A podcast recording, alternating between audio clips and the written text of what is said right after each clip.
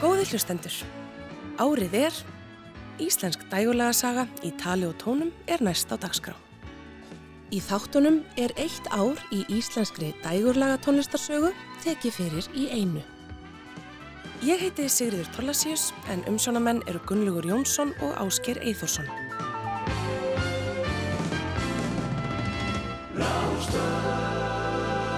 Árið er 2002.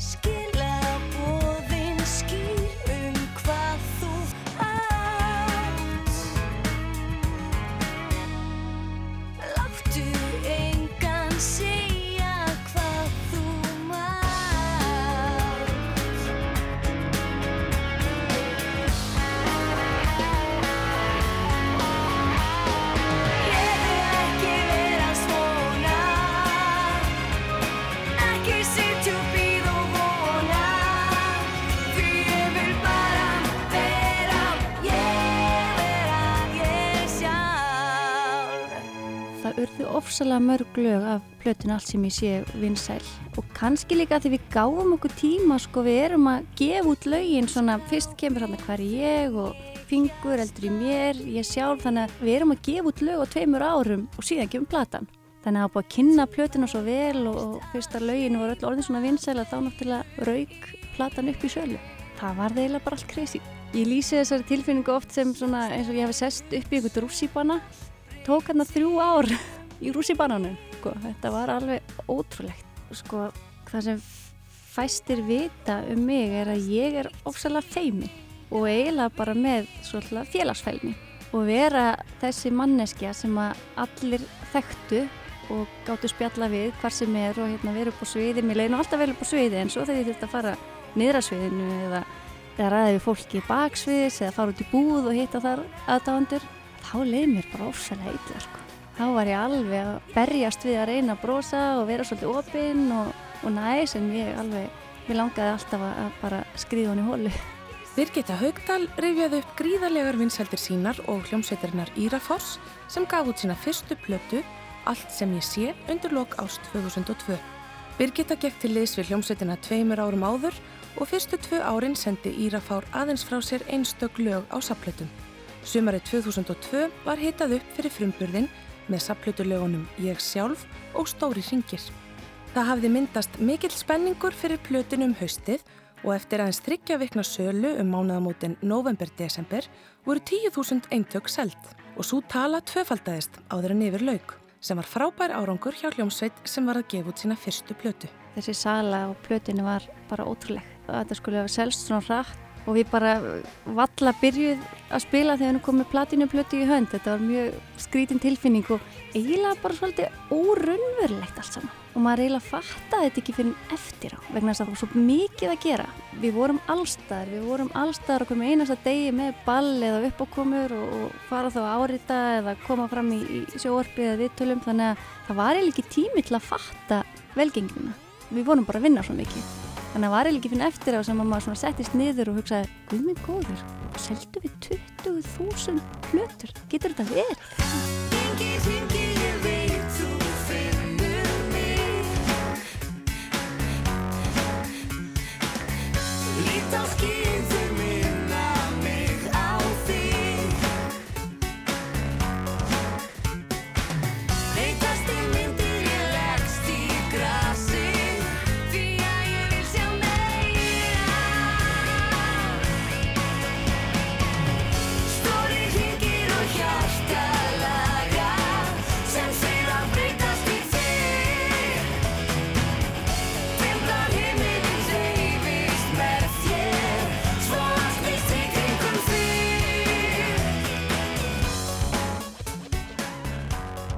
Birgitta var valin popstjarna ársins á Íslensku tónlistavellunum og hún heimsótti popland á Rástfjö á samt aðalagahöfundi Írafárs, Vigni Snæ Vigfúsinni, þegar platan var nýkomin út. Í mínum huga er Írafár í dag einn allra vinsalasta hljómsveit landsins. Er það miskilningur eða er það sannleikur?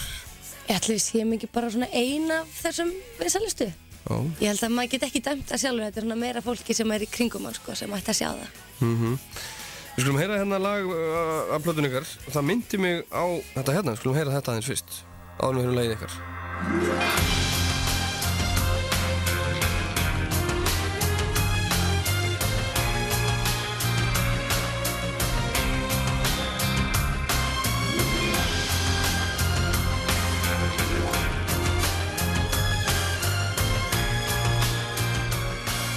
Já, er eitt lag á plötunni sem að minni mig svolítið á þetta lag. Kannist þið við þetta stef? Vítu, ég kannast við það, hvaða lag er það? Já, nú, nú tengjum við það saman. Ha? Já, já, þetta eru bondmyndið ekki. Já. Þetta er, jú, jú, jú, jú. Ha? Er þetta hún hérna í Garbage? Þetta er Garbage. Já, Og- já, og ég hef oft hitt það lag, Já, náttúrulega. The World is not enough. Já. Og svo er það lagið ykkar sem heitir Allt sem ég sé.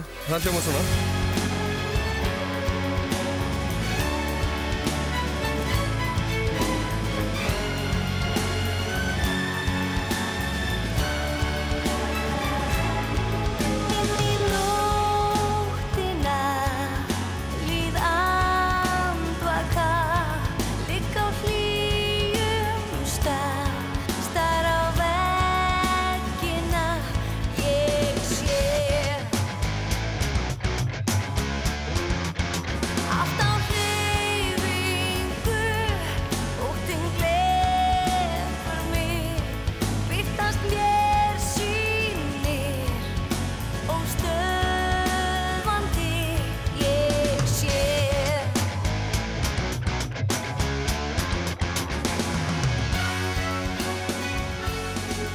Er svolítið líkt Garbage Bond-læginu sem við heyrðum hérna áðan. Já, ég, hérna, ég er söngkonan í Garbage. Akkurat. Ef fólk er eitthvað að ruggla þessu saman, þetta er... Nei, Þetta kom nú svona nett Þetta á kom óvart. rosalega óvart. Já, Alveg bara, Þetta var góðu punktur Já, hjá þér. þetta var alveg rétt. þetta var ógíslega góða punktur. Viðbröðin á þeim voru ósvikin. Árið er 2002.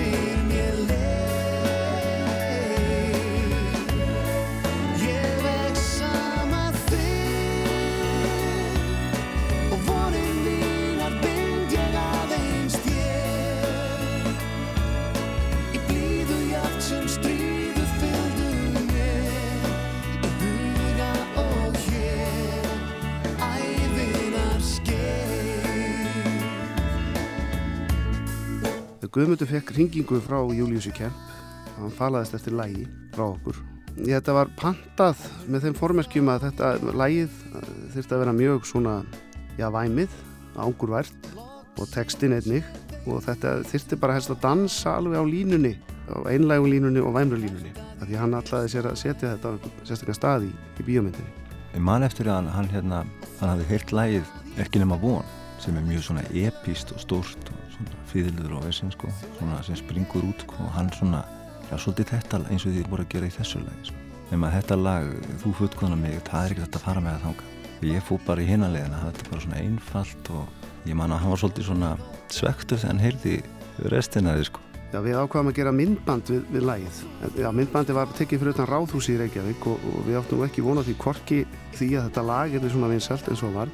Og þá síður hefðu átt vona því að aðal söguhetja myndarinnar, eða leikarinn sem að leik aðal hlutverkið yrði brátt hæstraðandi í þessu húsi, borgarstjóri. Svona skipast oft hlutirnir öðrum sem maður ætlar. Guðmundur Jónsson og Stefán Hilmarsson töluðu um lagið Þú fullkomnar mig með sálinni hans Jóns Míns sem Július Kemp, framlegandi kvimmindarinnar Maður eins og ég, hafði sérstaklega pantað fyrir myndina. Leikstjóri var Robert Douglas og fóru Jón Gnarr, Þorsteinn Guðmundsson og kýmesska leikonan Stefanie Tse með aðalhutarskinn.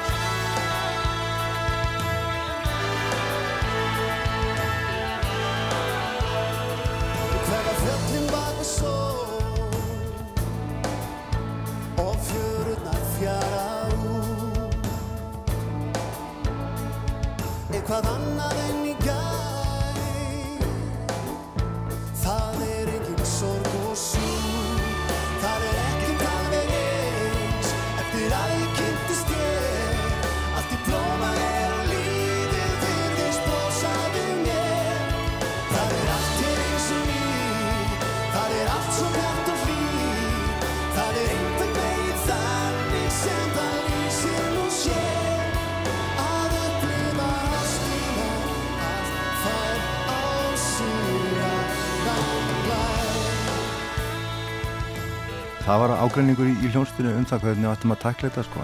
Þarna vorum við nýbúnir að gera óramátnu plötuna, vorum búin að vera að spila þetta og vorum ofta að reyna að, að fara í gegnum svona katalógin og finna einhvern nýjan flöta á þetta sko. Og satt að segja var ég orðin alveg hundlegur á því að taka hverju draumur innanferðin enn og reyna að finna eitthvað nýtt sko. Og svo var ég búin að semja hellinga músík svona stórið mikið í sko. Þannig að svona ég sagði sjálf með þetta er alveg eina skipt sem ég fæði þetta tækifæri að spila með síðfónin hlust Íslands. Þannig bara gerum þetta bara nýja músík og hafði bara trú á þessu efni sem við vorum með sko. það var tekið bara viljið það frá hljónstinu sko, symfóni hljónstinu Guðmundur Jónsson sagði frá samstarfi Sálarinnar og Sinfoníu hljómsveitar Íslands sem hafði samband við hljómsveitina um vorið í kjölfar velhefnara tónleika með botleiði og kvarasi árið áður. Tónleikarnir, sem átti fyrstu að vera einir, urðu þrennir og viðtökurnar urðu frábærar. Þeir voru svo keppnir út á plötu og myndiski undir lok ás 2003. Þorvaldur Bjarni Þorvaldsson útsetti fyrir meilabandið og lagið Vatnið varð vinsælt. Eittinn var saga mér sög Saga um leitandi mann Út um allt leitaða tilgangi lífsins en ekkert fann Sagt var að öldungur er Allt vissum þann lendardóm Er hann var spurður hann svaraði aðeins með lágum róm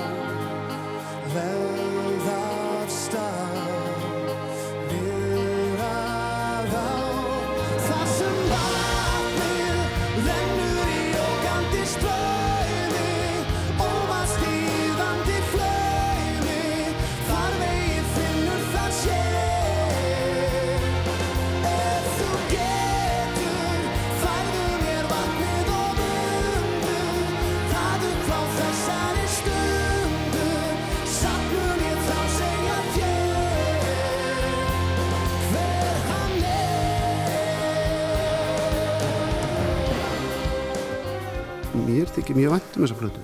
Og það er merkilegt að vita til þess að eitt af svona okkar kraftmeiri tónleikalögum er eitt af þessum lögum sem að við frumflöttum hérna, vatnið heitir það. Já, og það er mjög svona í erfiðum danstakti og þess vegna kom það svolítið óvart hversu svona stert hafi verið í okkar dagskrá. Þetta er eitt af þeim lögum sem sko, mér finnst alltaf gaman að spila. Það lag er svona kveikir alltaf í manni og ég finna líka bara að bandið er hérna rosalega, það er svo onn þegar það er að spila þetta lag.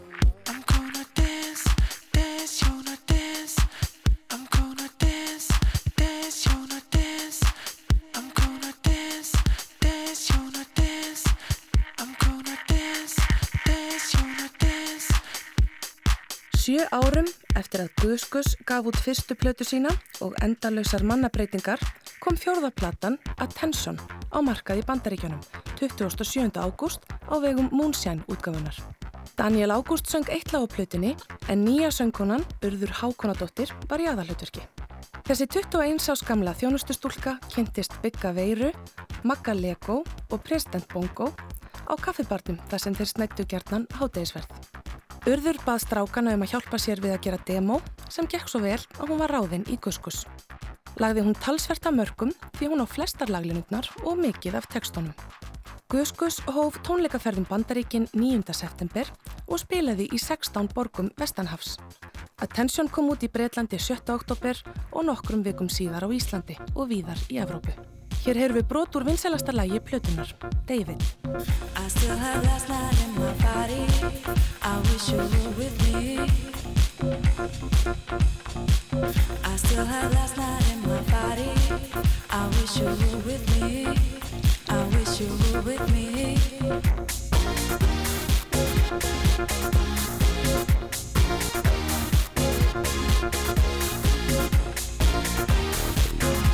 I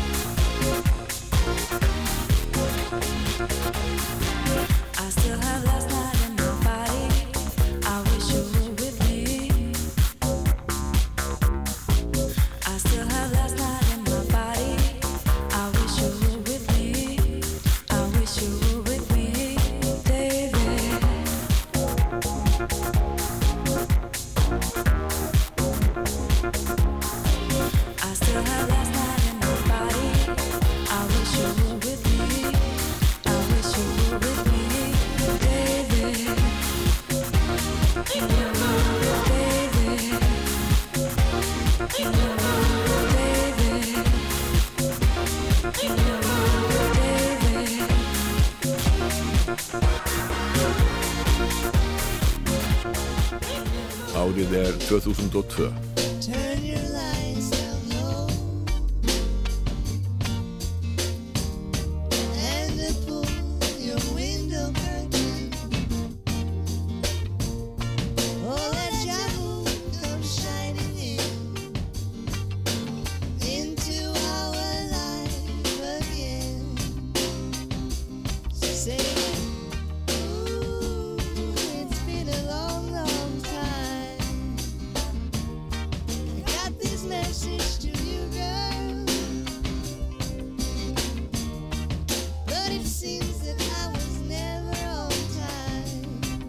Þetta var byrjurinn á mínum upptökuferli. Þarna spila þú Þorsteins. á öll hljóðfærin Já, þetta var svona bílskúsprojekt sem ég var með hérna heima á mömmu þegar ég bjóð þar í bregðalli. Já. Þetta var svona sessjón í að æfa sig í það að tróða eins mikið að hljóðfærum og mögulega gata á fjóra þessa teip, sko. Þetta lag kannski svona markar upphaf hjálma Já, ég, Siggi var eitthvað að taka upp svona lög sko, á tæki gaf mér disk með alls konar lögum en þarna heyrði ég þetta bara þetta, þetta lág einhvern veginn svo vel, þetta passaði svo vel við Sigga sko, reggi, mér fannst þetta bara þarna, þarna er hann með það sko. Og vildi endilega gera meira reggi sko Sigurður Guðmundsson og Guðmundur Kristinn Jónsson rættu við Frey Eyjólfsson á Rás 2 um lag sem Sigurður söngin á saplutuna Afsaki hlje sem Geimsteitt gaf út árið 2002. Um þetta leiti voru þeir félagar að uppgöta reggi tónlistina og voru jafnframt að aðstóða Rúnar Júliusson við plötu hans það þarf fólk eins og þig og eitt af lögum plötunar var einmitt klætt í reggibúning. Þú er ofstakki trublar mig Í túminni og von á þig Í takt og taumleysi vonin dvín. Hendar illa eins og glatað vín. Hóflega túað á heilaga sín Heilbrið von, von þín skín. Vertu guð fadir, verðarinn minn. Við liðið sem leiðir inn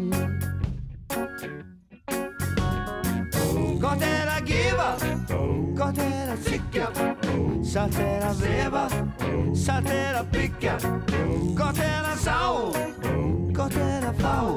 Sælir í anda. Sælir eru þeir sem trúnir blanda. Þetta spila Siggi til dæmis eiginlega allt sko. Sér þú spila bass, Siggi spila bassana í þessu. Já, Bara eiginlega að allt, eiginlega allt nema bara trommur, trommurnar sko. Þannig að sko hvað, ljón, hljónplatan það þarf fólk eins og þið með Rún og Júli kannski svona fyrsta hjálmaplatan óformlega ja, Þetta lag Ég bað Rúnar, Rúnar, nú gerum við reggiplötu sko.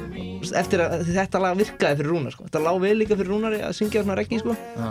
Og ég sagði Rúnar, nú er flott að taka hérna reggiplötu sko. En hann ákvaða að fara eitthvað aðra leið Við heyrðum áðan Rúnar Júliusson flytja lagið Gott er að gefa sem kom út á plötunni Það þarf fólk eins og þig. Plötuna vann hann með sinni sínum Júliusi og félagunum Kitta og Sigga úr fálkum. Strákarnir þrýr sáu alfærið um hljóðfæraleik og útsetningar og í viðtali við morgunblæði sagðist Rúnar vera mjög sáttur við útkomuna og vildi meina að samstarfið hefði leikt að sér nýjar og ferskari hugmyndir. Titillægið var það eina sem ekki var frumsamið en það er eftir bandaríska tónlistamannin Buck Owens við texta Rúnars. Það þarf fólk eins og þig fyrir fólk eins og mig. Frá bláa landsböðum að myrstu sjávarstrand frá vel þekktum stöðum út í ókannuð land þarf fólk eins og þig fyrir fólk eins og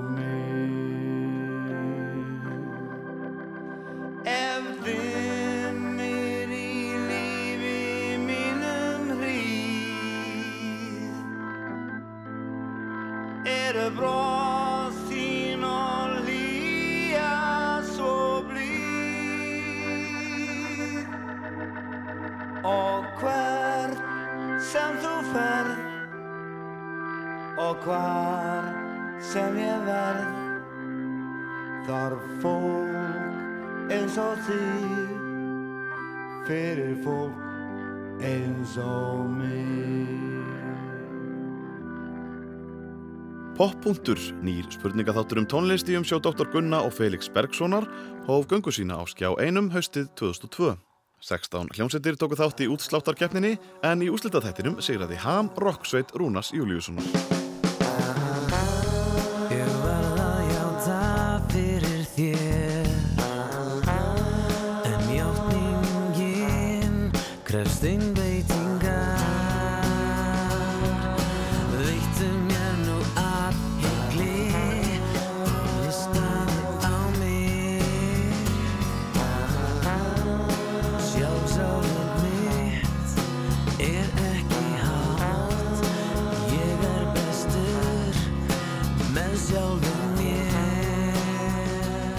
Hljómsveitin Nýdönsk fagnaði 15 ára afmæli með gerð plötunar Freistingar þar sem hún ákveða að gera nýjar og einfaldari útgáfur af eldri lögum sveitarinnar sem ekki höfðu náð eirum fjöldans á sínum tíma en liðsmönnum fannst mikið spunnið í.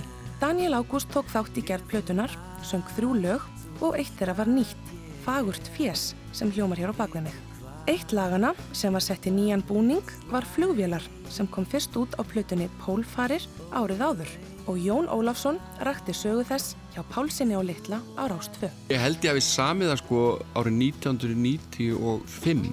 Ég læði það hins vegar fram til, við hljómsveitin árið 1998 þegar við vorum að taka upp hljómblötu sem heitir Húsmaragarðin. Það var Björn Jörundur í leiklistanámi í Liverpool og hann átti endalust af flottum lögum. Þannig að það voru svona hálfgeir slagsmálum að koma öðrum lögum að á plötunni og ég lagði fram þrjú lög.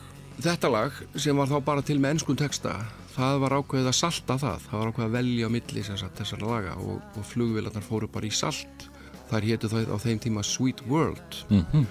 og voru gerðar við texta eftir Ken Thomas upptökustjóra sem að var að vinna með okkur á þessum tíma. Og þá var viðlagi svona byttu If you ask my opinion I will write it in your book. Sweet sweet worlds are made of this. A long long time ago Þannig var þetta sami. Og síðan förum við í hljómblötu árið 2001 þá fórum við til Möldu og tókum upp hljómblötu sem hétt Pólfarir. Og þá var þetta lag í lagi að nota það sem sagt vantaði lög og, en allt hérna þá vantaði texta við, við þetta lag Sweet World. Og við Björn fórum svona saman í málið. Og svo gengur okkur ekkert með þetta og ég man samt svo þetta svo vel þegar Björn fekk sér svona smá göngutúr og ég beið bara á meðan svo kemur hann eftir svona korter og hann segir bara ég með þetta. Þetta eru tvær flugvilar sem eru ástofnar að fljúa og ég horfði bara mannin eins og væri náttúrulega bara ekki, ekki í lægi ég sagði það er ekkert romantíst við tvö játn ferlíki. En svo þegar ég sá þetta fyrir mér svona eins og litla teiknimynd þá fannst mér þetta allt í einu daldi gott. Svo sagði hann líka út á, á möld og það fannst mér daldi gott. Hvað heldur þessi langt þá að flugleðir hafið samband við okkur og vilja fá til auglýsingar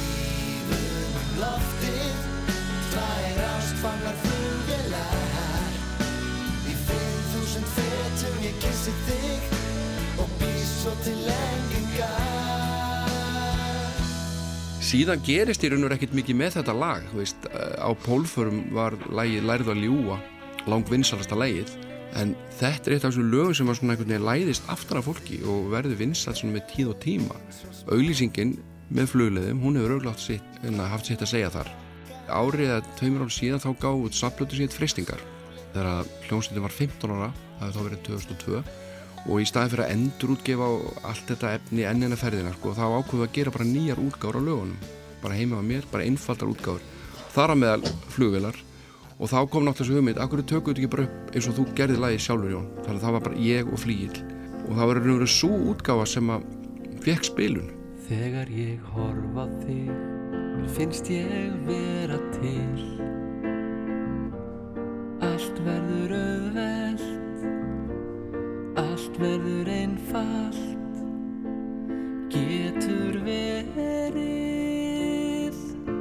Að samanlagðar sálir Geti einhverju breytt. Þegar ég horf á þig lifna dauðir hlutir við. Steinarnir ilma gráta og hlæja Getur verið að samanlaða sálir geti einhverju breytt. Að allt verði yfir stíið öll náttúrunnar lögmál. Og við svífum um loftið tvær ástfangna flugvélar yfir út af vinu elska þig það sér okkur enginn þar og við svífum um loftið tvær ástfangna flugvélar í fimm þúsund fetum ég kissi þig og býr svo til lendingar Árið er 2002. She has some preconceptions like life is but a dream. She's awake all night, down and itchy.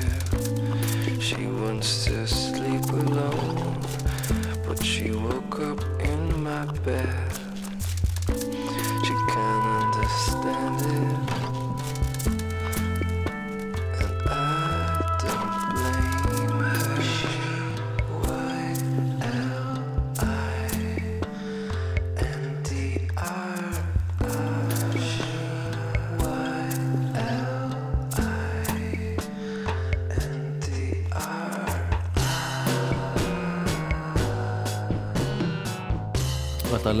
Ódýr herbyggi ákvað að hætta að leia svo ég geti fjármagna hérna, fyrsta hljóðkorti sem að, var til á laptop sem heit VX Pocket.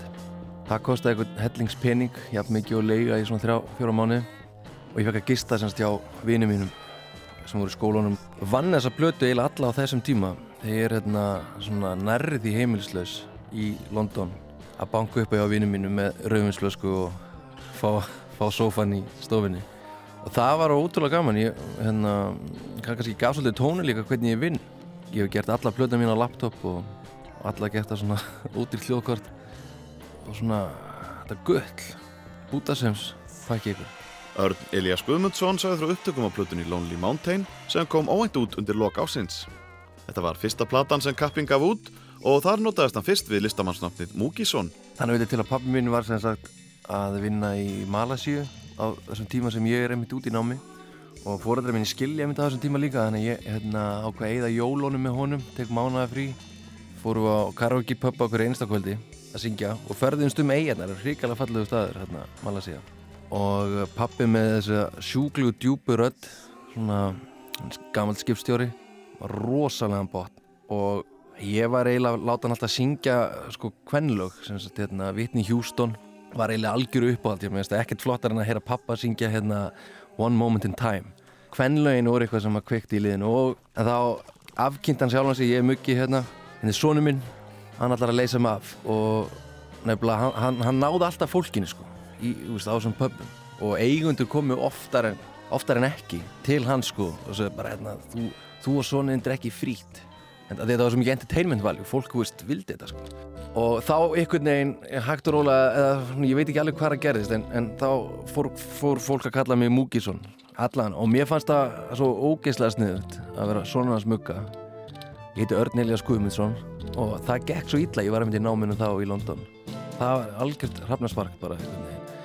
En hérna, uh, Múkisson eitthvað, fannst mér, mér fannst eitthvað svo fallegt að ég fyrir, fyrir þetta, þá syngi voðalega lítið. Mér, mér, mér langa alltaf bara eiginlega að vera instrumental einhvern veginn, öðru þessi músík heldur en pop og, og hérna, stikka klikka að fæðast á fyllir í sem söngvari með pappa sínum í Malasíu, bæ sem að heitir hérna Kisubærin, Kotakina Balu eða eitthvað. Það er að meðast það eitthvað, eitthvað romantist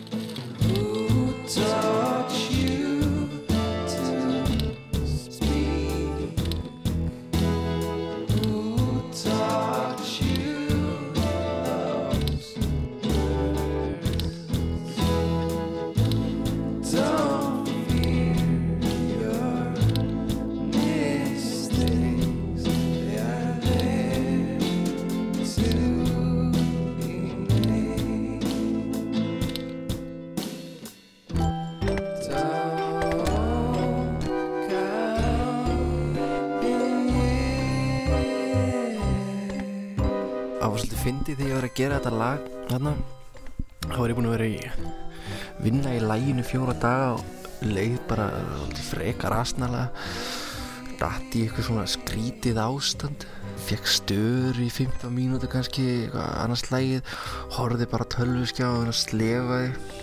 Og ég held reynilega að ég verið að fara yfir um. Svo fjóra degi kemur kellingar ángin upp til mín og segir mér að það sé rosalega gaslegin í herbringin hjá mér sína ekkert svo sniðut að vera mikið að inni. Og, og svo kom alltaf maður og skrúaði fyrir en kannski þess vegna sem maður er svolítið lennunlegur hérna í millikaflunum uh, þetta er ekkert skrítið sem ég var greinlega í tómurugli. Var svona heppilegt að vinnu minn bannaði mér að reykja inni hjá sér áður en hann fór. Múkisson segði söguna á bakvið lagið Ír. Þegar platan Lonely Mountain kom út var Múkisson algjörlega óskrifa blað í íslensku tónlist og átni matt á morgublaðinu vissi ekki hvaðan á sér stóð veðrið í dómi sínum um plötuna. Hann sagði Múkisson koma eins og skrattinn úr sögðarlegnum með ein af eftirtektaverustu plötum ásins sem var í allt í senn, ævintýraleg, heitlandi, augrandi og bráð skemmtileg. Lokalag plötunar, Póka Pal, hefur verið á tónleikadagskrá Múkisson frá útkomu plötunar til dagsins í dag. Your molded heart. One day we are all gonna part. My bad thoughts have made me good. A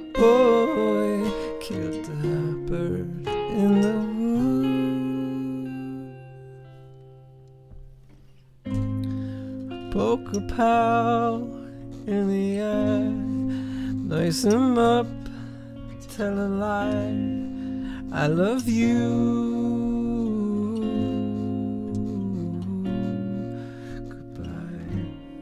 Pappi beilaði mér reyndar heim, þá var hann kominn sem byrjar að vinna sem hafnastjóri á Ísafirði og uh, hann held að ég myndi aldrei klára þessa bjæriðgerð sko, ég var skólan er búinn, ég átti eitthvað tvo mánuði eftir í honum að klára bjæriðgerðina hann hafði litla trú að ég myndi gera það sko. Að hann, beilaði mig vestur og sagði mér að, drulla mig vestur og ég ætti að klára þessa helvítis rítgerð og ætlaði hann að ljúka þessu námi. Sem ég gerði, fór vestur og hérna, var á skrifstofuna hans á nóttinni kláraði rítgerðina og kom með þessa plötu með mér og framleiti sjálfur sko hérna, fyrstu þúsund eintökin fóð með niður í hérna, hljómalind og kíkti á alla útgefunduna þá hérna, bókaði fundi og, og, og sendi um diska og svona og eðlilega þetta var náttúrulega óþekkt nafn.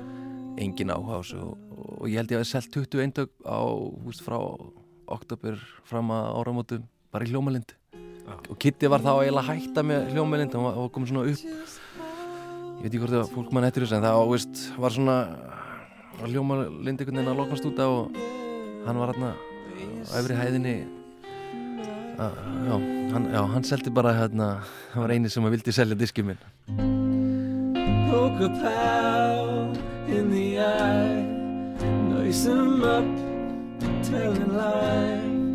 I love you. Goodbye. Poke a pal in the eye, lace him up, tell a lie. I love you.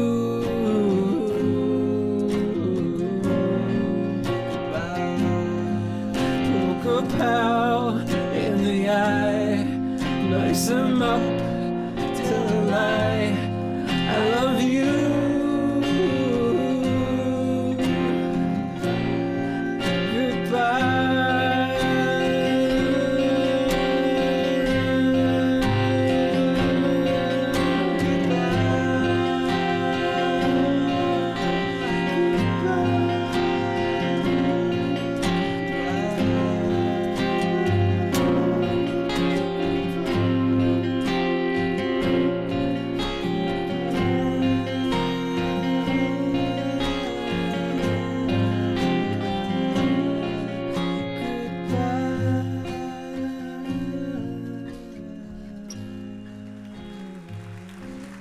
Árið er 2002. Uh, thank you, very kind.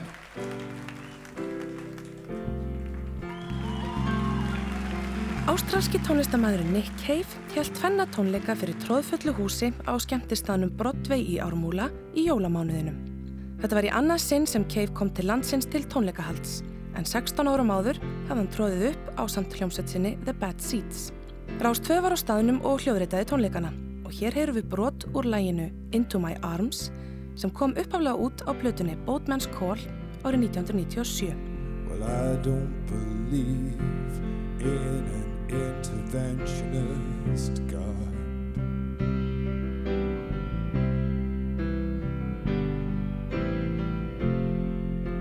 But I know, darling, well, that you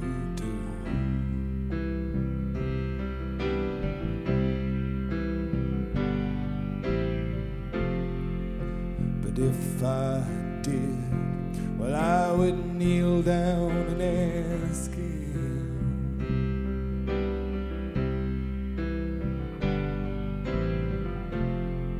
Not to intervene when it came to you.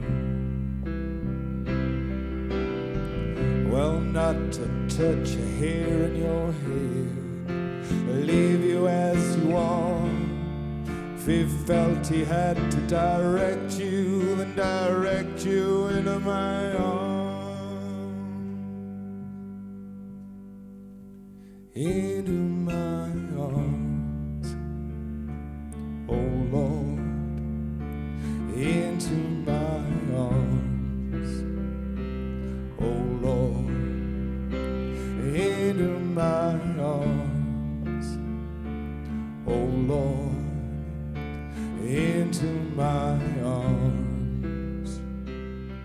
Skóska hljómsveitin Travis held velhefnaða tónleika í lögadagsvöll 4. júli þar sem sveitin kynnti áskamla blötu sína Invisible Band og flutti auk þess velvænin eldri lög sem mörgver höfðu slegið í gegn hér á landi og annar staðar rétt um aldamótin. Liðsmenn sveitarinnar voru hæst ánaðir með viðtökurnar og í loktónleikana skjallaði fórsprakkin Fran Healy áorendur og lofaði því að Travis myndi koma aftur til lands til tónleikahalds áður en langt um liði. En við erum ennþá að býða. So crazy lately. Nothing seems to be going right. So low, why'd you have to get so low? You're so, you've been waiting in the sun too long. But if you sing, sing,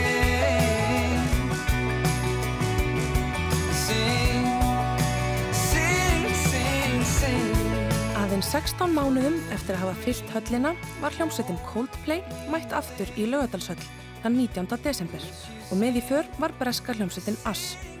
Chris Martin leku kvörð sinn fingur og söng nokkra tóna úr sigurósalæginu Sveppgenglar inn í miðjulægi Everything is not lost og endaði tónleikana með því að taka jólalægið Have Yourself a Merry Little Christmas. Bandaríska rocksveitin Strokes held lokatónleika sína í Evropatúrnum á skemmtistanum Broadway í byrjun apríl 2002. Sveitin var sjóðandi heit um þær mundir sem tónleikarnir fóru fram en það hafði fyrsta plata Strokes, hinn áskamla Is This It, fengið frábærar viðtökur. Rást tvö hljóðritaði tónleikana og hér heyrfið Julian Casablancas og félaga flytjaði vinsala lag Last Night.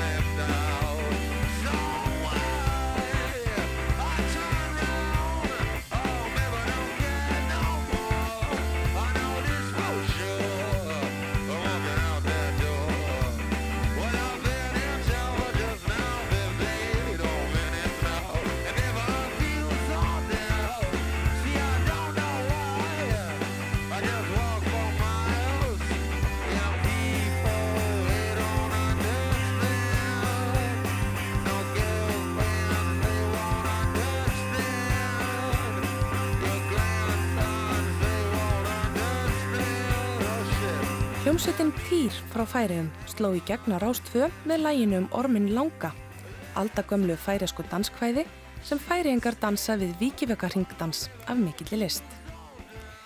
Hljómsveitin Týr kom til landsins í byrjun árs 2002 og spilaði á fernum tónleikum sem endur á því að stuðmenn slóu upp balli í Sjallanum og Akureyri, Brotvegi Reykjavík, Reyðhöllinni í Hveragerði og Stapanum í Reykjanesbæ.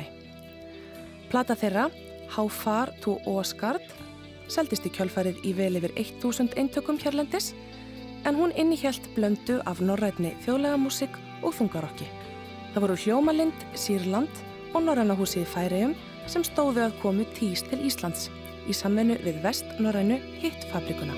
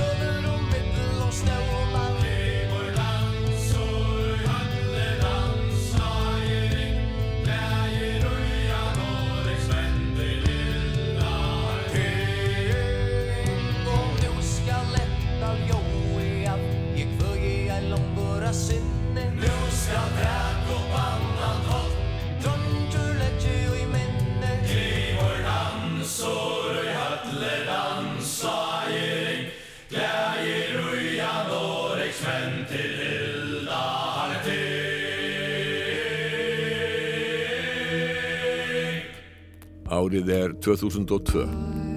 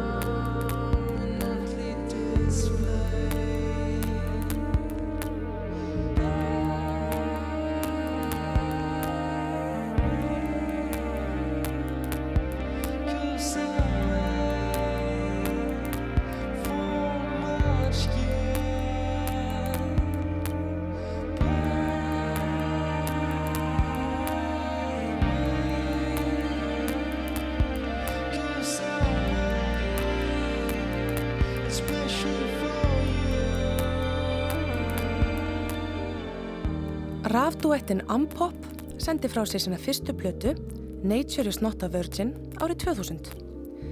Tveimur árum síðar, í marsmánuði árið 2002, sendu Birgir Hilmarsson og Kjartan Ólafsson svo frá sér smáskifulægið Made for Market og voru þá komnir með samning hjá litlu bresku útgáðufyrirtæki Static Caravan Recordings.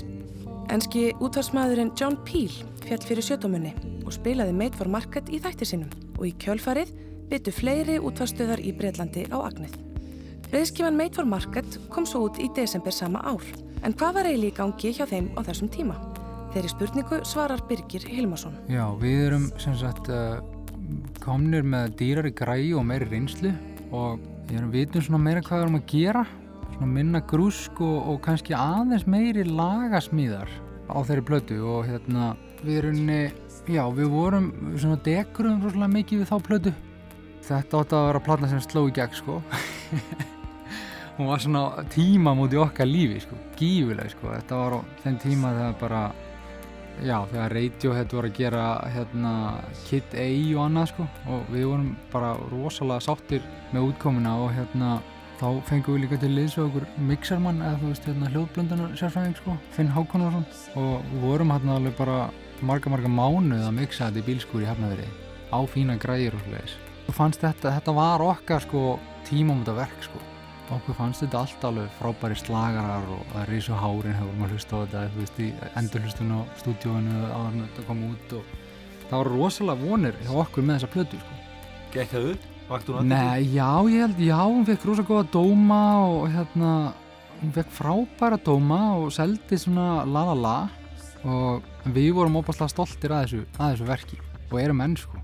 Það er mjög svona mjúkt og flott sound á henni og hún er svona, hún er svolítið ambient sko, en það er samt svona, uh, svona lúmskir popslagar en á milli. Birgir Hilmarsson sagði frá annari plötu Ambop sem fekk nafnið Made for Market. Birgir sá um bassaleik og söng en Kjartan lék á hljómborð og þetta var notaleg rafpop blanda. Þeir gerðu svo remix plötuna Remade for Market fyrir jólinn 2002 um líkt leiti og þeir gerðu samning við Thule Music. Do. I don't feel fear at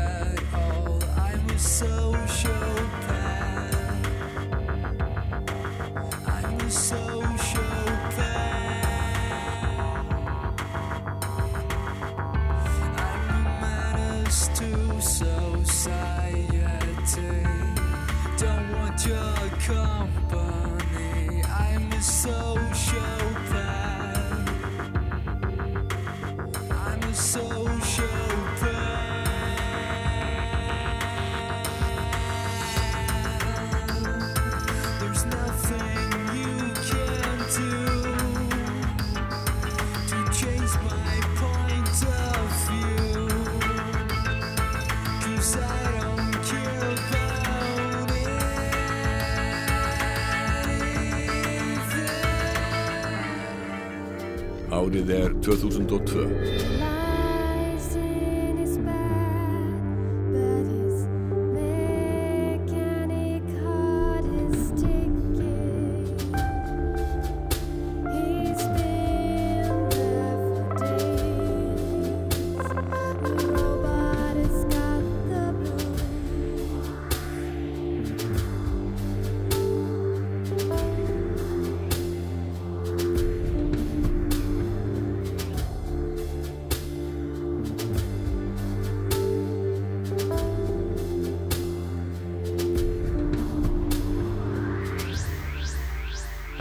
nokkur ár í Svefnarbergjum bílskúrum og skemmum á árunum 1996 til 2000 ákvað vinahópur frá Akranesi og Borganesi að samina krafta sína snemma á árunni 2001.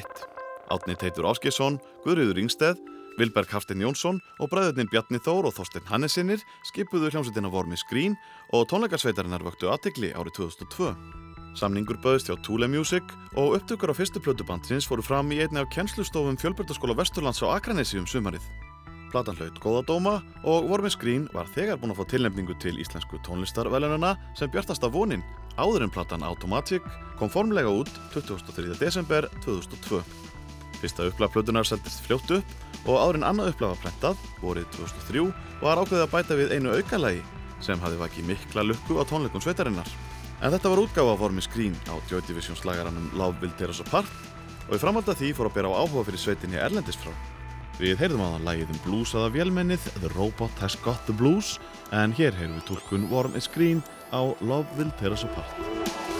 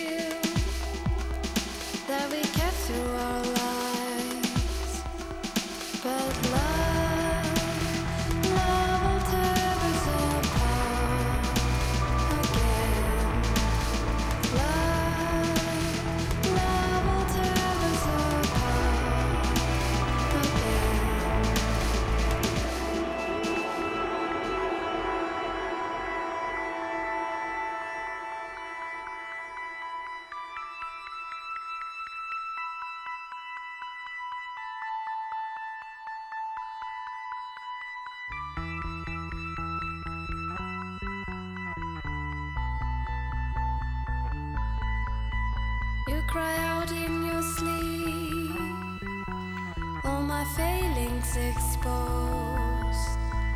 There's a taste in my mouth as desperation takes hold. It's something so good, just can't function no more.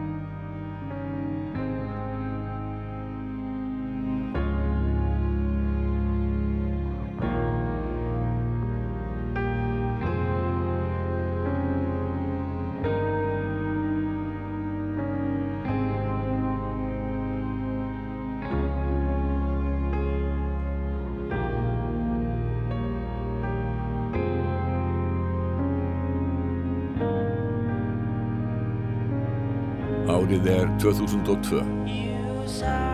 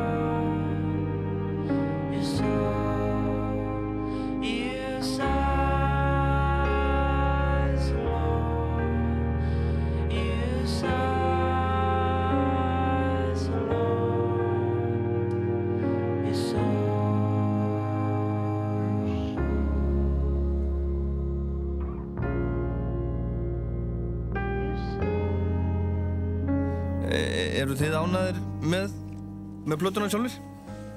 Já, við erum hamingisamir að vera búin að þessu. Já, þetta er náttúrulega lög mestu leiti er það ekki rétt hjá mig sem að þið eru búin að vera að spila síðan raunverulega, já bara ágættis byrjun kom út Já, ég held örgulega að elsta lagið sé samið svona kannski tveimur, þreimur vikum eftir útgáðutólingan í óperunni Já. fyrir þreimur ára síðan Er það sko, þannig að þetta er úrslega gammalt Mhm. en hérna þetta ekki þess við erum samt þetta er svona, þó, þótt það sé gammalt þá svona samt einhvern veginn hefur öðlast nýtt líf fyrir okkur Já, uh, þróaðist þetta eitthvað í, í, upptökuferlinu, við séum svolítið fræðilegir? um, Já, eitthvað allavega mm. hérna, Þetta þróast held ég aðalega bara á, á því að vera að spila þetta á tónleikum í þrjú ár Já. um allan heim. Það þróast mest á því. Var það kannski þannig að þegar þið byrjuðu að taka upp þá var orðin leiðir, leiðir á lögunum? Já, það var eiginlega svolítið vandamál svona í byrjun, þegar við, byrj, eða, þegar við byrjum að taka upp plötuna að þá hérna, var svolítið erfitt að komast í gang því maður var búin að spila þetta svo oft og mikið að maður svona já, maður var svolítið, var svolítið kaldur einhvern veginn. Og hérna uh, fyrir lögunum þar að segja. En hérna, svo veginn þegar, þegar okkur loksist tókst að koma þessu niður og þá, þá fór hugurinn að að vinna. Þá kom galdurinn. Já, Já. Það verður ekki farið fram í neinu sem, sem að þekkir ykkur eitthvað að, að hérna umbúðunar eru svolítið sérstakar. Þetta er allt saman nafnlust hvers vegna heitir platan ekki neitt? Um, og það hefur farið svolítið í taugarnar á útlendingum sérstaklega. Svona, útlenskum blaðamönnum. Já, útlendingum blaðamönnum, kannski gaggrínundum helst. En, en svona þegar maður tala um útlendinga sem er ekki gaggrínundur svolítið séu gaggrínundur þá, þá, þá er það ekkert vandamál fyrir neinu sko. en þetta, ég held, þetta er svolítið löng sæður en að veru. Ég, ég hugsa að það hefur byrjað en það allt sem við gerum bara gerist einhvern veginn. Mhm. við svona látum það bara við eldum bara. Hérna en ég hugsa að þetta hafi byrjað þegar við gáum ágætis byrjun út f- út fyrir Ísland að þá hérna að fólk var að tala um sko, að það skildi lögin og, og hérna veist, það kunni náttúrulega ekkert að bera fram íslensku nöfnin en, en það sagði það með sínum orðum og, og hérna og það skildi náttúrulega ekki textan en það samt talaði um hvernig hvað þetta lag þýtti fyrir þeim Mhm. og það er raun og verið svolítið bara að taka einu skrifi lengra bara að láta fólk ráða í raun og veru það getur skrifað sinni einn texta eða vill og platan heitir ekkit Mhm. bara heitir það sem þú vilt á Já. og þú getur skrifað fram á hana eða sínist Bassalegarinn Georg Holm sagði Óla Palla frá þeirri óvinnilegu leið sem Sigur Ós fór með útgáfu Svígaplötuna svokvöldluðu haustið 2002. Þrátturir að lögin hétt ekki neitt, báruðu öll vinnutitla og uppafslagplötunar hétt í fyrstu Vaka eftir dóttur Orra Páls trómuleikara. Þetta var fyrsta platan sem Orri Pál trómaði inn á eftir að hafa gengið í hljómsveitina rétt fyrir útgáfu ágætti spyrjunar 1999. Eftir að hafa komið sér upp hljóðveri í gamalli sundlaug í Mósfellsbæ var platan tekin þar upp og stjórnuðu Sigurósapiltar upptökum með Ken Thomas sér til fulltingis en hann sá einni um hljóðblöndun. Strengja kvartetinn Amina útsetti og spilaði strengi á plötunni en stúlkurnar höfðu túrað með Sigurós og tónleikum út um allan heim frá árinu 1999 og átti eftir að ferðast áfram með sveitinni næstu árin. Tekstar lagana á plötunni þóttu illskiljanlegir en það kölluðu liðsmenn sveitarinnar tungumáli sem þeir notuðust við vonlensku. Svegaplatan kom út í lok oktober og þá var hún selst í 250.000 eintökum fyrirfram og átt eftir að seljast í miljón eintökum erlendis en 10.000 eintökum á Íslandi. Platan var valinn hljómplata ársins á íslensku tónlistarvelununum og lag nr. fjögur á plötunni, sem hafði vinnu heitið Njósnavélin, fekk mikla spilun á öldum ljósvakans.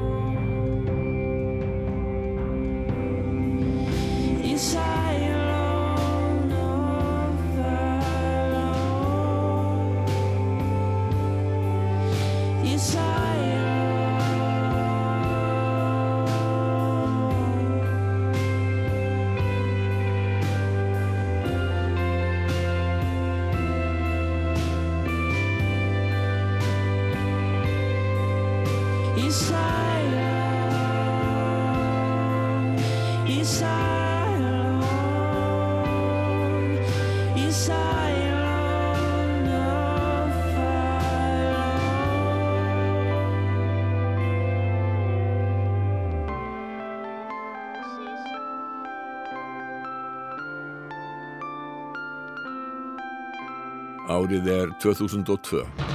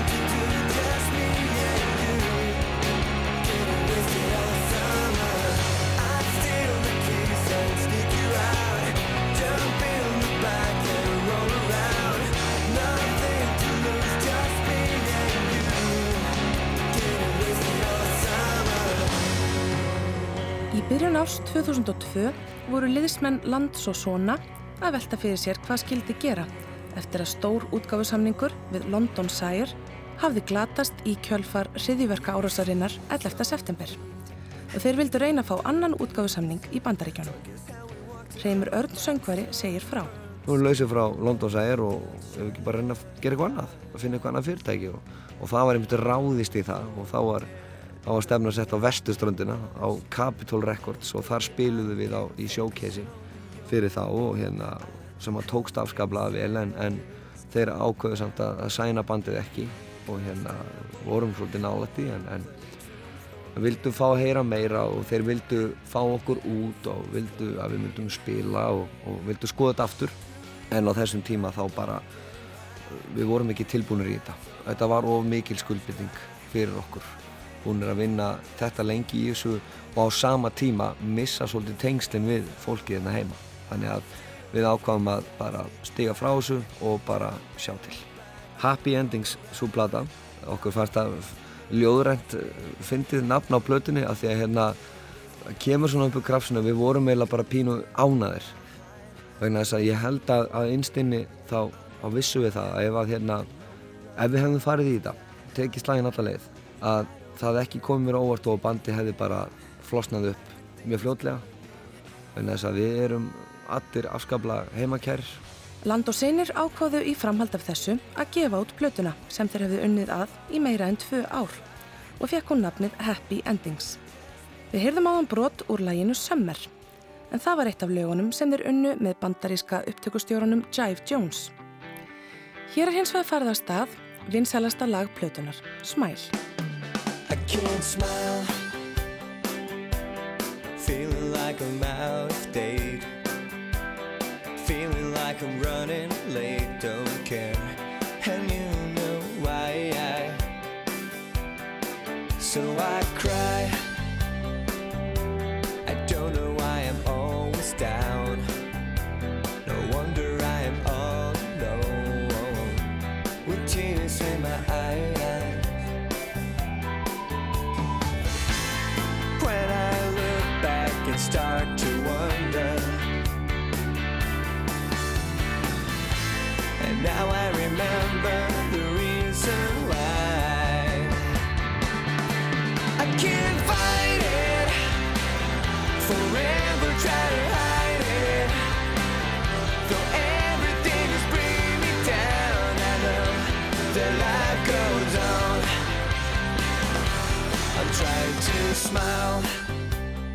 En við ákváðum samt sem áður að gefa plötuna út. Hún var tilbúin, við áttum eftir að taka upp að með minnir þrjú til fjögur lög.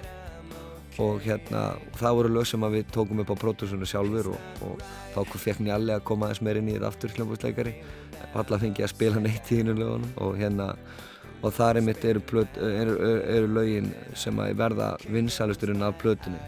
Það voru lögin sem að voru kannski meira svona í ættu svona land og sinni og það voru lögin Smile og If. I don't wanna see you with someone. Listen to no one telling me that we can just be friends. Yeah. If only I could turn the time around, I'd never be the same without you.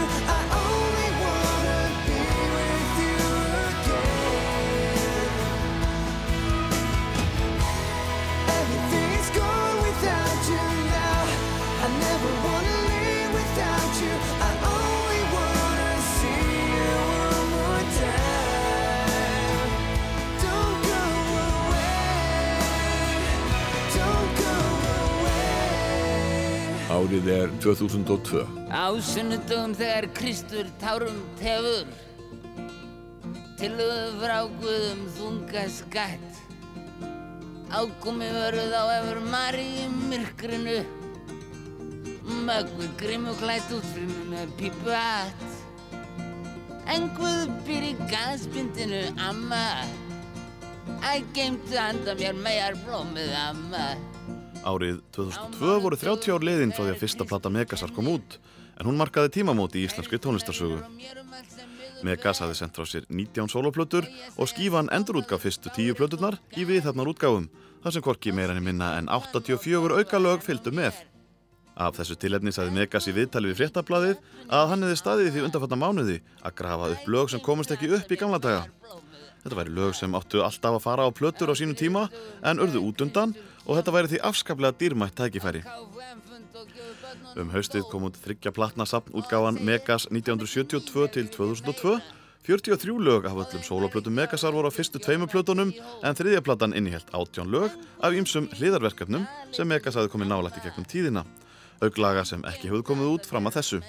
Megas emdi svo til viðharnar tónleika í Austurbæ 19. desember til að fagna áfanganum þar sem fjöldi gamalla samstarfsmanna kom í sögu. Mér var hálf nöyðum farið að sitja saman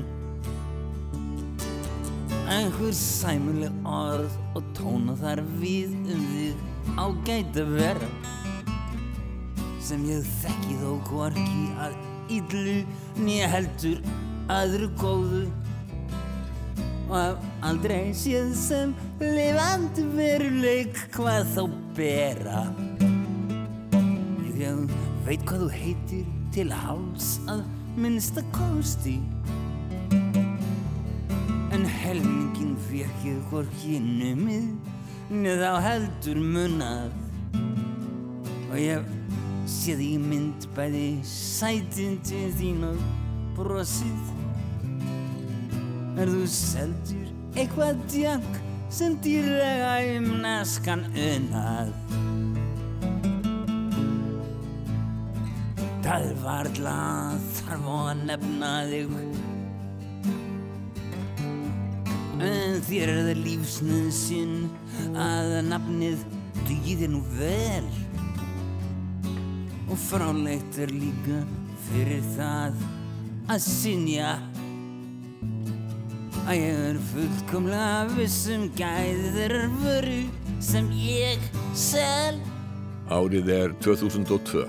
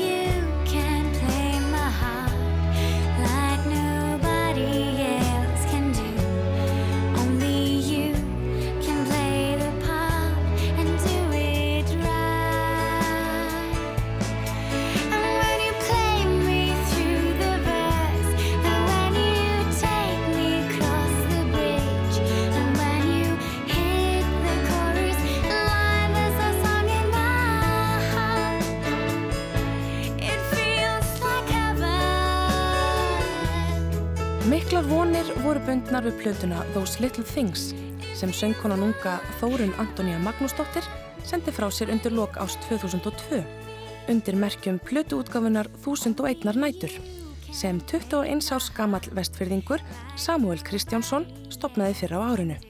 Magnús Þór Sigmundsson, fadir Þórunar, samti flest lögin á plötunni en hvernig stóða því að feðginnin lögðu af stað í þetta verkefni. Magnús og Þórun voru gestir Svanildar Holm og Magnúsar Einarssonar í dægurmála útvarpi Rásar 2 skömmu eftir útgáfu plötunar. Já, ég var svolítið svona vandrálingur þegar ég var svona 13, 14, 15 ára.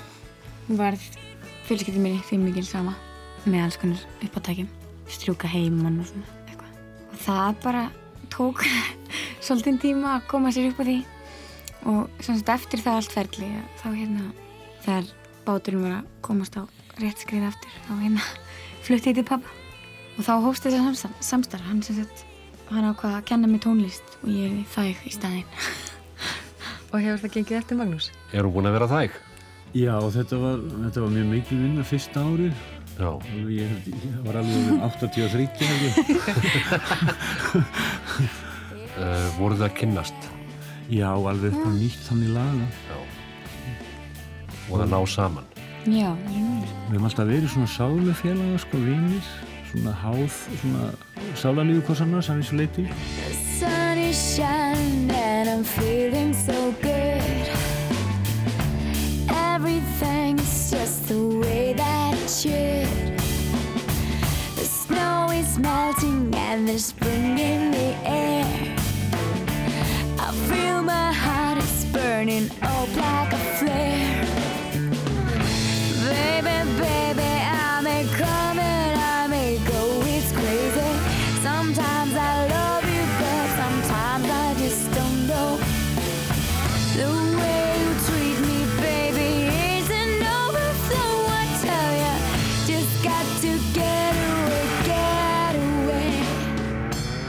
Antonia flutti broturlæginu The Sun is Shining af plötunni Those Little Things. Þórun var tilnæmt sem bjartasta vonin og besta söngkonan á íslensku tónlistavælununum. Hún var þá sestað í Bretlandi en hún kynntist upptökustjórunum í The Away Team þegar þeir aðstóðuðu lífs í hljóðveri hér heima. Hún fór með þeim til London þar sem hún komst í kynni við lagasmiðin Wayne Murray og gerði samning við BMG þar sem hún vann að lagasmiðum fyrir útgáfuna í London þegar fyrsta sóloplata hennar kom út hér á landi. eins og pappiðin segir þú ert svona að taka upp textabrót og, og Já. skoða svona eitthvað gammalt sem hann hefur að vinna ertu sækjur eitthvað í smiði hans á þessari plötu Já, alveg helling sko. Já, þið söndu þetta allt saman, var það ekki? Jú, þetta er, já, að þessu ég samið eitt sko og svo, en svo stæðsti hlutin af þessu er, er eiginlega sko, í ge- sem þetta í gegnum hana mikið.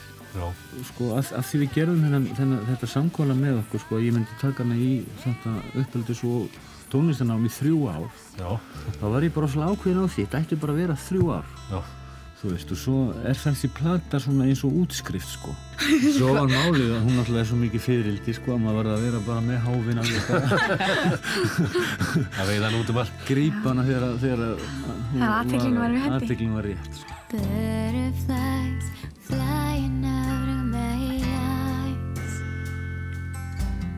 On the wings of sorrow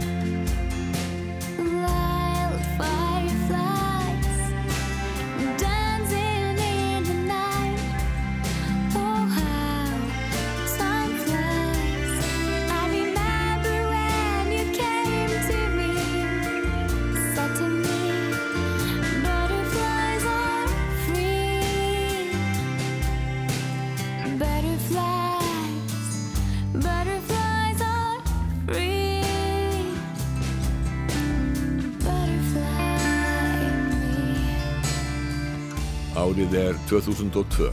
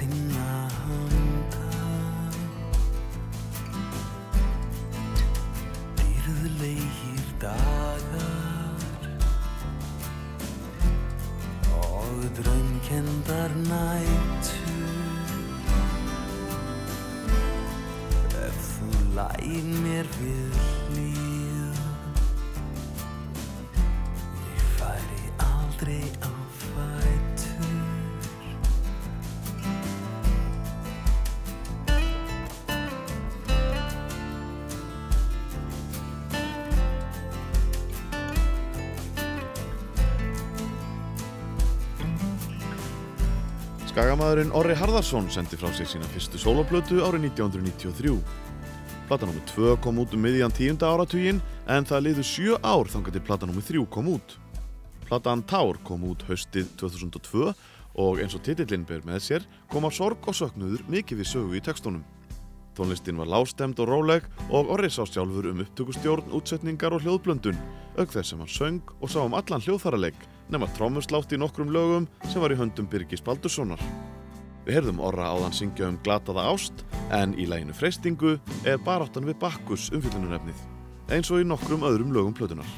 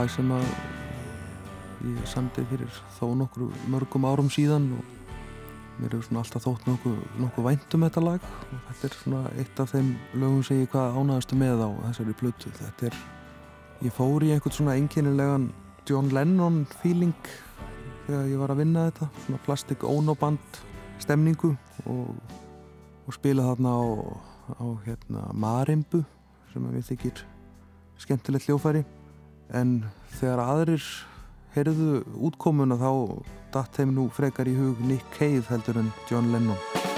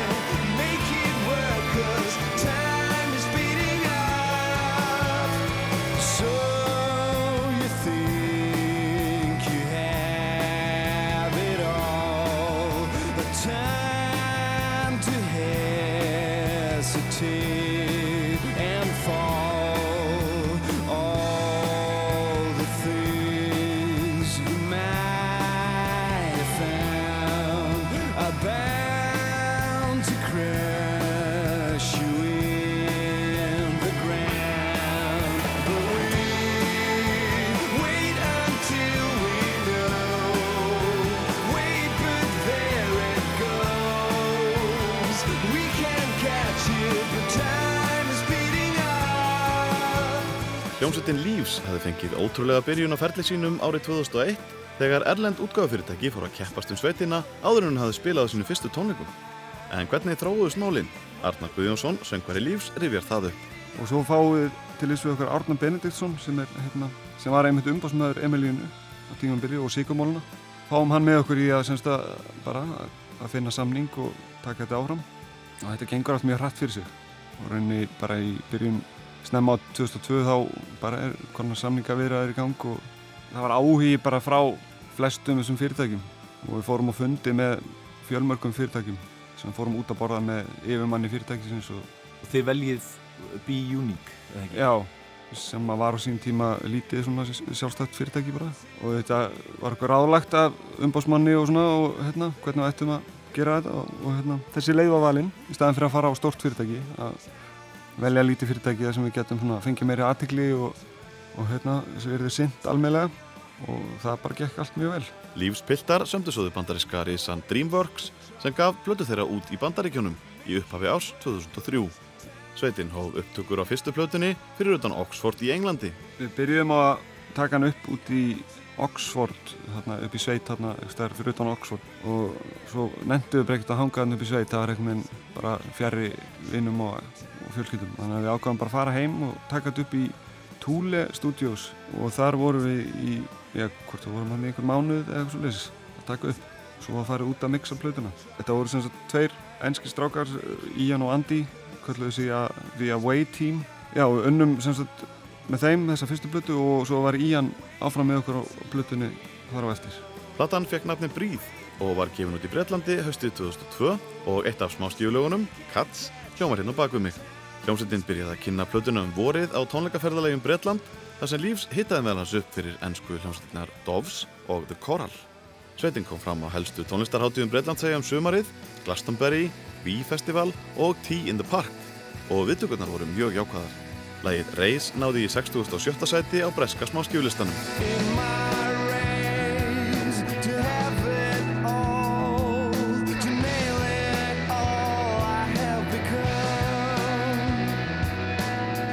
A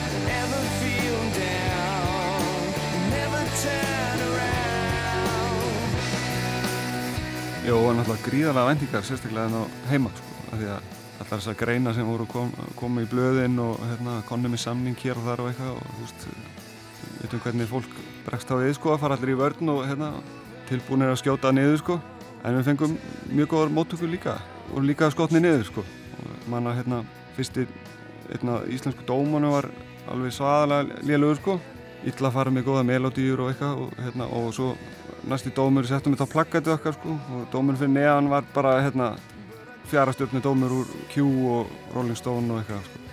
Þannig að þetta var alls konar. Í uppgjörum tónlistatímaritana Q í Breitlandi og Rolling Stone í Bandaríkjunum var platan á lista yfir bestu plötur ásins.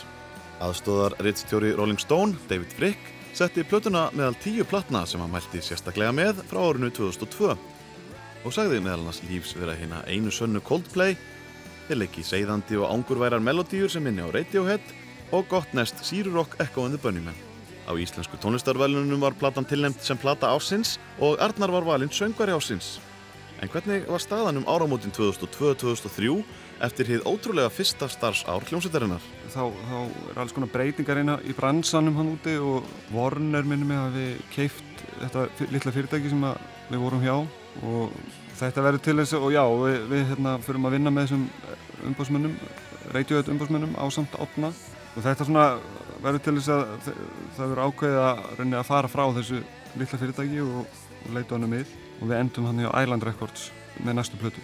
En þetta var ekkert flopp eða neitt svoleið sko, eða, þú veist það var aldrei litið á fyrstu plötunum neitt þannig. Hún gekk bara náttúrulega að vonast til þess að hún gengi betur.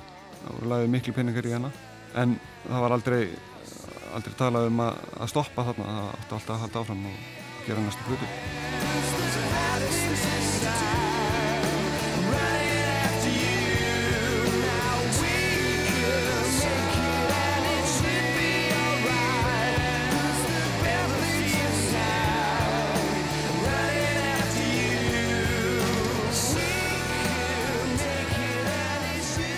Árið er 2002. Já, næsta lagið er Who Gives a Rat og það er svona, það hefur verið talin svona Sebadó slagarinn okkar annað á þessu- á þessar plötu. Það er svona til því en það fjallar eiginlega um, um bara hvað framtíðin hefur lítið í, uh, upp á að vera og svona alltaf því.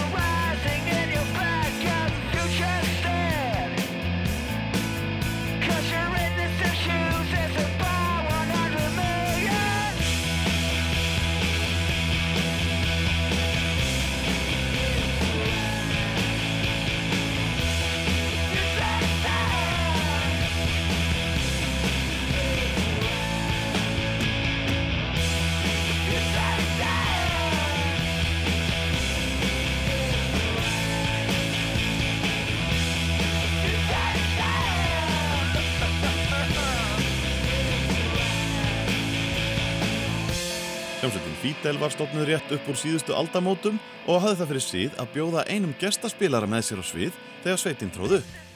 Útvarsmanninum og gítarleikaranum Andra Frey Viðarsinni, sem þá var nýgengin til þessu botleðju, lotnaðist þessi heiður í upphafi ás 2002 og líkaði svo vel að hann kvatti botleðupiltana og gekk til liðs við Fidel. En fyrir voru Búi Bentsen, sem síðar stjórnaði útastættinum Capone á XFM með andra, verðandi kvikmyndagerðamaður Janus Bræi Jakobsson og hárdoktorinn Jón Alli Jónasson, sem í setni tíðir betur þekktu sem plötusnúðurinn Sexy Laser. Fyrsta platasveitarinnar, Good Riddance New Entrance, kom út sumari 2002 á vegum útgáfufyrirtækis Fidel, Kill Fuck Die Records og undirmerkis Eddu miðlunar Hit Records. Piltarnir tóku svo upp nýja plötu undir lok ásins sem aldrei kom út, einfallega vegna þess að bandið hætti störfum kortir eftir að lögin höfður mixuð og masteruð og tilbúin til útgáfu. Við heyrðum áðan lagið Who Gives a Rat af einu útkeppnu plötu Fidel, en hér heyrðum við brot úr laginu The Great Skua af plötunni sem aldrei kom út.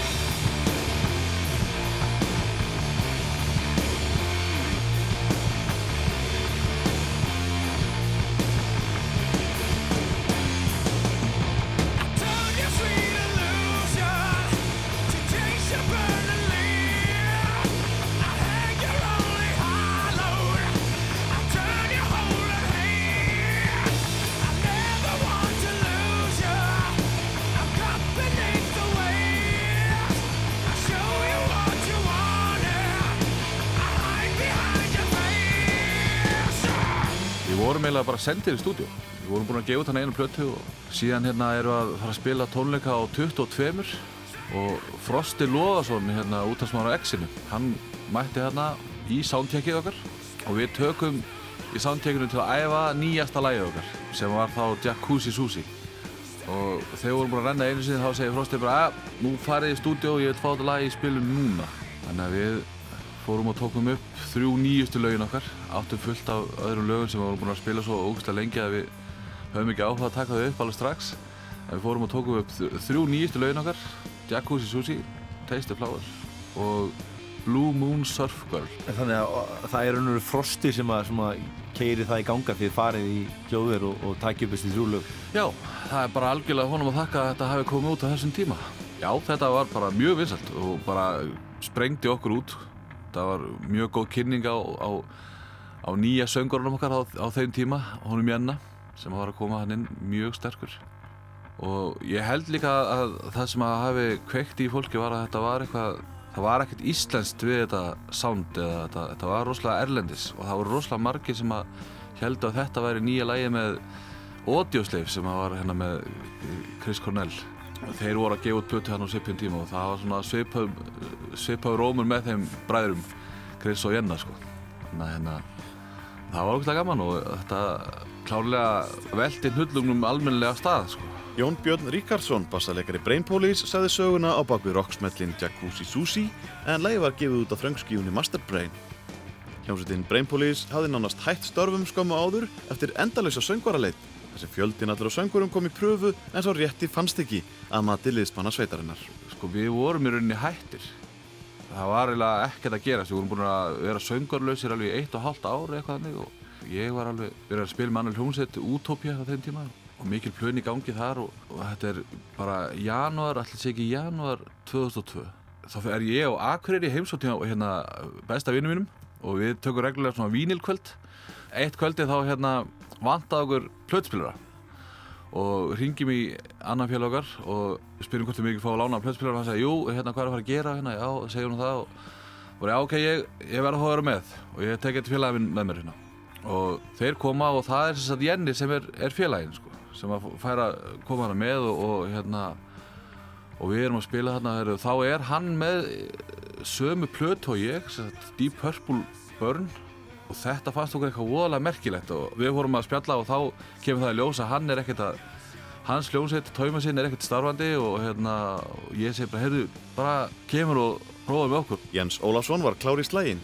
Hann kom suður á hljómsveitaræfingu og hans fyrsta verkefni var að syngja lægið One Blow af fyrstu plötu Brain Police sem kom út tveimur árum áður. Við spilum það og Jenny segir, heyrðu, spila þetta fyrr og við spilum það aftur og hann söng það bara eins og hann hafi aldrei gert annað og ég man gæðilega eftir því að við erum að spila þetta hérna og við horfum okkur annan ég og Gulli og Hötti og við bara hlægjum sko. það var eiginlega bara fáralegt hvað hann átti heima þarna frá upphæfi það var svona einn af þessu hluti sem að gerist af ástæðum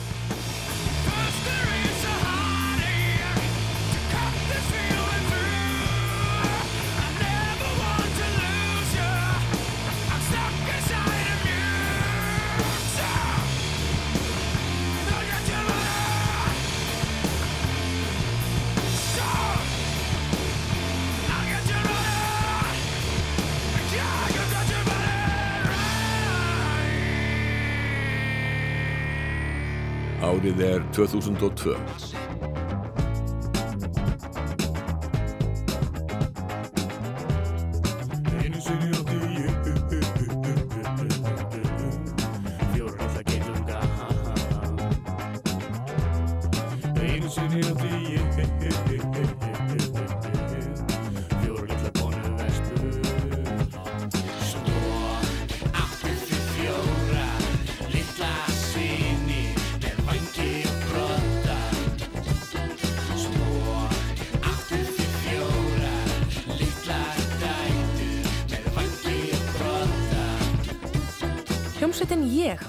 sína fyrstu plötu, skemmtileg lög, fyrir jólinn 2002. Hún innihjalt 11 lög, sama fjölda og skipar fótboltalið. En á umslæginu voru teiknaðar útlínur fótboltavallar og diskurinn leit sjálfur út eins og fótbolti. Róbert Örn Hjálmtísson sá um söngin og samti flest lög og texta. auk þess að leika á bassa, gítar, orgel, trommur og banjó.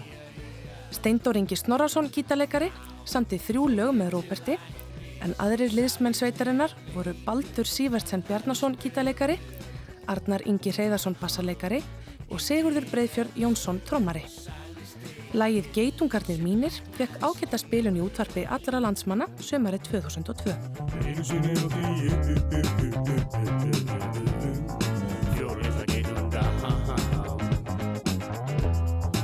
Einu sinni á því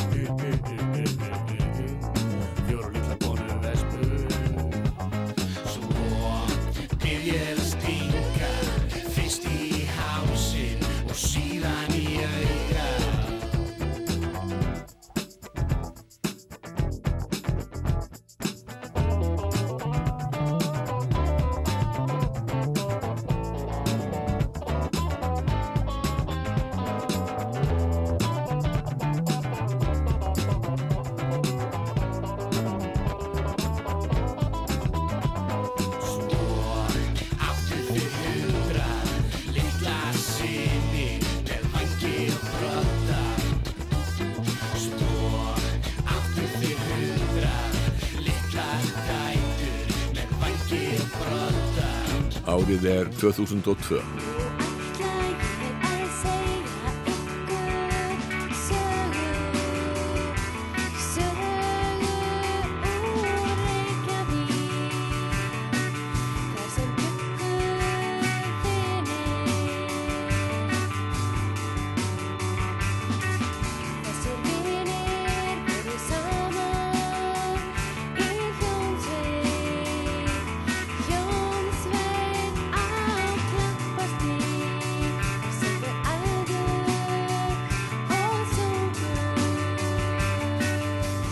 Supergrúpan Rung sendi frá sér sína fyrstu og einu plötu árið 2002 en hana skipuðu Óskarsvelina hafinn Hildur Guðnadóttir, Óli Björn Ólafsson, Björn Kristjánsson eða Borgó, Benny Hemhem og Svavar Pétur Eisteinsson, betur þekktur sem Prins Pólo.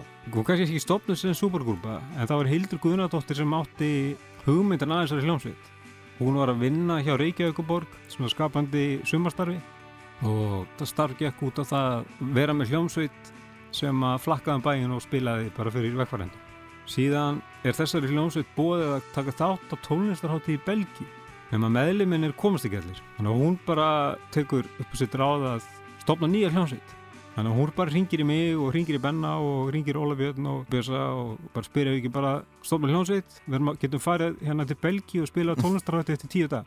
Og það var bara slegið á þetta. Það fundið æfingarhúsnaði eitthvað stæðir í Nóatúni og við tróðum okkur inn þar og mættum bara öll kvöld, sömdum, lög og texta og eftir þessa tíu daga voru við komið tíu lög.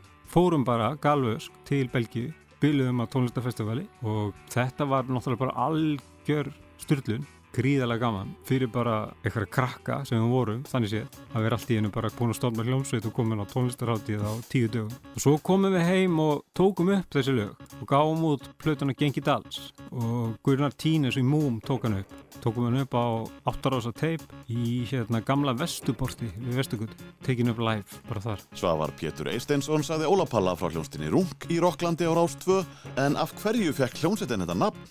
Rung hérna, þetta er hérna náttúrulega frasi sem að, veit ekki hvort þessi ennþá notaður, frasi sem að notaður er svona, þetta er nú meira rungi. Þú ert að gera eitthvað í hérna sífellu, bara eitthvað endalust. Hvað djöfis runga er þetta? Þannig að við hérna nafnið er svolítið komið út frá þessum gjörning sko. og svo er hann náttúrulega, getur hann verið kynfyrirslegur líka sko. en við vorum ekkert að reyna að vera einhverjum dónar sko. Nei. Nokkri textar sveitarinnar fjölluðum íslenska menningu og hér heyrðum við brot úr læginu Allavík 84 af plötunni Gengi Dals með hljómsveitinni Rung.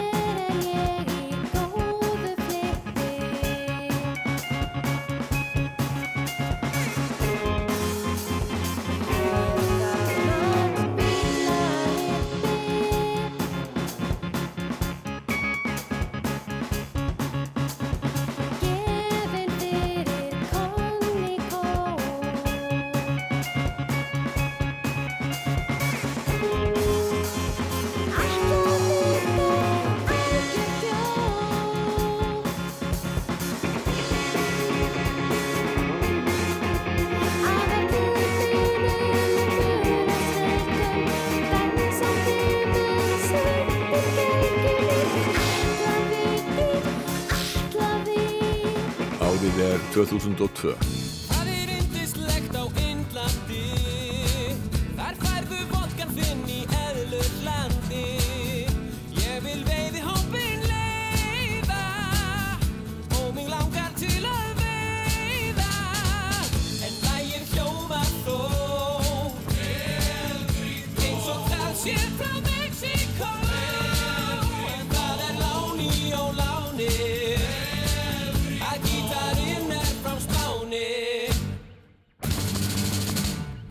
Hljómsveitin Buff var að verða fjögur ára gömul þegar fyrsta platan, Góðir farþegar, kom á markað.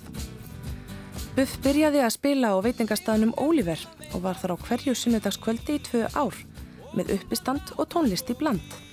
En sveitin var jafnframt húsljómsveit á sjómastöðinni Skjá einum. Piltarnir hófu upptökur fyrir plötuna tveimur árum áður en hún kom út með því að hljóðrita þrjú til fjögur lög. Pétur Örn Guðmundsson, Hannes Heimir Friðbjarnason og Bergur Geirsson luku vinslunni síðan í eigin hljóðveri með aðstóð vina sinna eftir langan meðgöngutíma.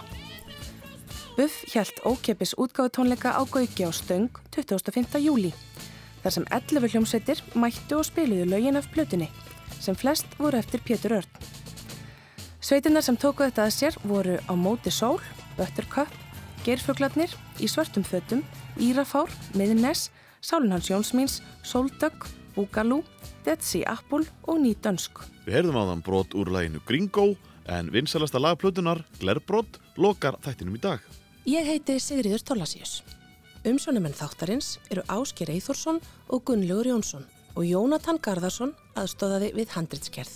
Við höldum svo áfram umfyllin okkar um íslenska tónlistarárið 2002 í næsta þætti en þar koma meðal annars við sögu Kvarasi, Apparat Organ Quartet, Emiliana Torini, Bubi Mortens, Hera Hjartadóttir, Dikta, Enzimi, XXX Rottvælerhundar, Múm, Í svörtum fötum, Ske, KK og jafnvel einhverju fleiri. Takk fyrir að hlusta. Bítlarnir og Bobby Ewing blönduðu eigiðin, ó nei Strákarnir í bandinu líkamsbossa gleði mm. Væri ef þú getur á samt öllum öðrum hjálpað sjúkum blöðrum og komist að því. Komist að því. Hver setti glerbrot